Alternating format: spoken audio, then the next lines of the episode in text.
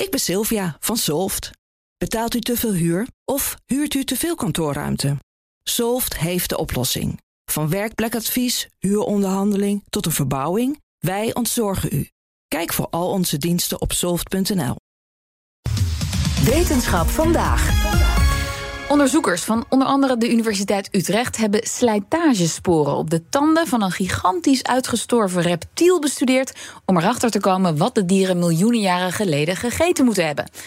Ja, een soort uh, tandarts in de historie ben je dan? Ja, inderdaad. Wetenschapsredacteur Carlijn Meinders, ja, over welk gigantisch beest hebben we het hier?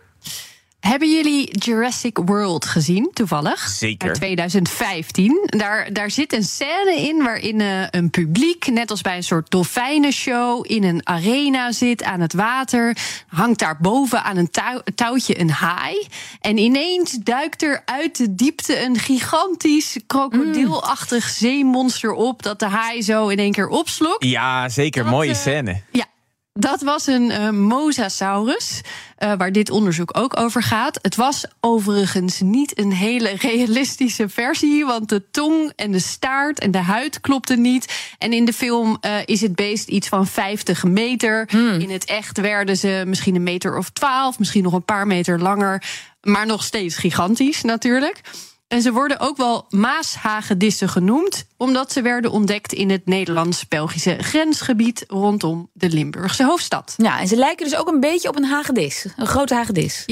Ja, er zijn vijf verschillende soorten van ontdekt. En paleontoloog Femke Holwerda van de Universiteit Utrecht omschrijft ze als een soort enorme varane met flippers, waar ze het volgende over wilde weten zaten die elkaar in de weg qua dieet en leefgewoontes? Of, of viel dat wel mee? Want je vindt ze eigenlijk in zo'n klein gebied in het zuiden van Nederland. Ja, maar we kunnen niet meer kijken wat ze in hun maag hadden natuurlijk. Nee, nee, nee. Maar er is dus nog een manier om daar onderzoek naar te doen. Door te kijken naar de microkrasjes op hun tanden. Uh, die komen daar van het kauwen op verschillende soorten voedsel. Je kunt je voorstellen dat kauwen op een plantje andere slijtage achterlaat dan kauwen op een bot. Uh -huh. uh, nou, hadden ze al wel eens gekeken naar de tanden van een klein soort mosasaurus. Nou, nog steeds drie meter in lengte, dus niet heel klein. Uh, die heeft kleine knobbeltandjes. Perfect om harde schaaldieren mee te crunchen. Mm. dit blijkt ook uit de microkrasjes. Maar wat ze nu dachten was: laten we het grotere plaatje bekijken kijken. We bestuderen meerdere soorten en gooien die tanden onder een grote lasermicroscoop. Dat gedeelte uh, werd gedaan door collega's in Engeland en werkt zo. Je maakt een scan van het oppervlak van een tand. En het ziet eruit als een soort van Mars oppervlak met, met, met kraters en putten. En dat zijn dan die, die, die krasjes die je van heel dichtbij bekijkt. En dat geeft heel veel informatie.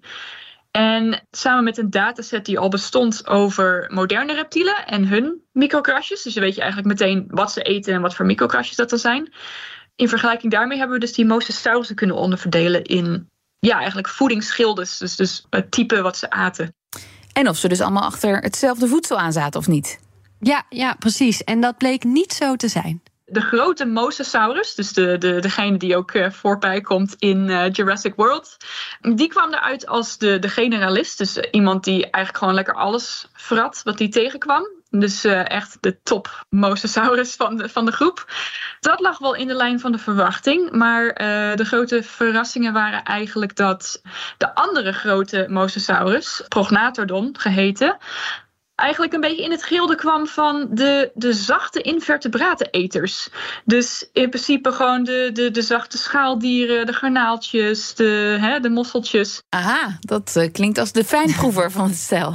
Ja, ja, ja, die ging voor een gemakzuchtig zeevruchtenbuffet. En er was er nog eentje die verraste. De Pleoplatycarpus, ook weer zo'n moeilijk woord. Ook een iets kleinere mosasaurus, rond de 5 meter. Die heeft van die hele mooie fijne kleine tandjes. En die lijken eigenlijk gemaakt om, om vis mee te eten. Want die lijken ook heel erg op die van die, uh, die plesiosaurus, die elasmosaurus, die Loch Ness monsters, die vis eten. Maar uit die microkrasjes kwam eigenlijk dat hij weer veel hardere prooidieren at. Ah, en dat weet je dus allemaal alleen als je heel ver, zo ver inzoomt. Ja, ja, aan, uh, aan alleen de vorm, uh, dat hoorde je net, kun je dat dus helemaal niet goed genoeg zien. Daar zijn echt dit soort onderzoeken voor nodig. Ja, ik vind het nog steeds fantastisch dat dit soort dieren hier, hier bij Maastricht ooit leefden. Ja, ja hè? ook omdat we hier nou ook weer niet zoveel vinden. Als je het hebt over afzettingen uit die tijd in Nederland, dan is dit vrij bijzonder. We hebben in Nederland eigenlijk maar twee plekken waar beesten uit het dino-tijdperk gevonden worden. Eentje is in Winterswijk, helemaal in het oosten. En die andere is helemaal in het zuiden, in, uh, in Limburg. Ja, het leefgebied van die maashagedis dus.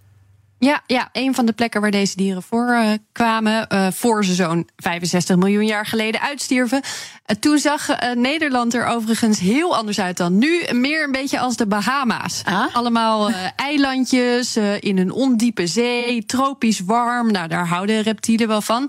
En een hele tijd later, in, in 1766, werd de eerste Mosasaurus uit die tijd teruggevonden bij Maastricht. En waar is die? Die mosasaurus? Die is, die is in Parijs terechtgekomen uh, voor een paar vaten wijn. Maar dat is een uh, verhaal voor een volgende aflevering, denk ik. Uh, voor nu dus een heleboel nieuwe kennis over wat deze dieren aten, hoe ze leefden. Dat wil Holwerda ook nog uitzoeken bij mosasaurussen op andere plekken. In Canada bijvoorbeeld, waar ze ook gewoond heeft. Want misschien was de voedselverdeling daar wel weer heel anders. Maar wat dit ons ook al een beetje vertelt, is hoe ecosystemen er hier uit zouden kunnen zien als het een stuk warmer en wateriger zou zijn. Nou ja, kijk even naar buiten. Het regent pijpenstelen. En met klimaatverandering uh, als feit... Ja. dan straks zwemmen hier weer 12 meter lange varanen rond. Ja, nou, wie weet. Dankjewel, Carlijn. Ik ben Olivier van Solft. Betaalt u te veel huur of huurt u te veel kantoorruimte?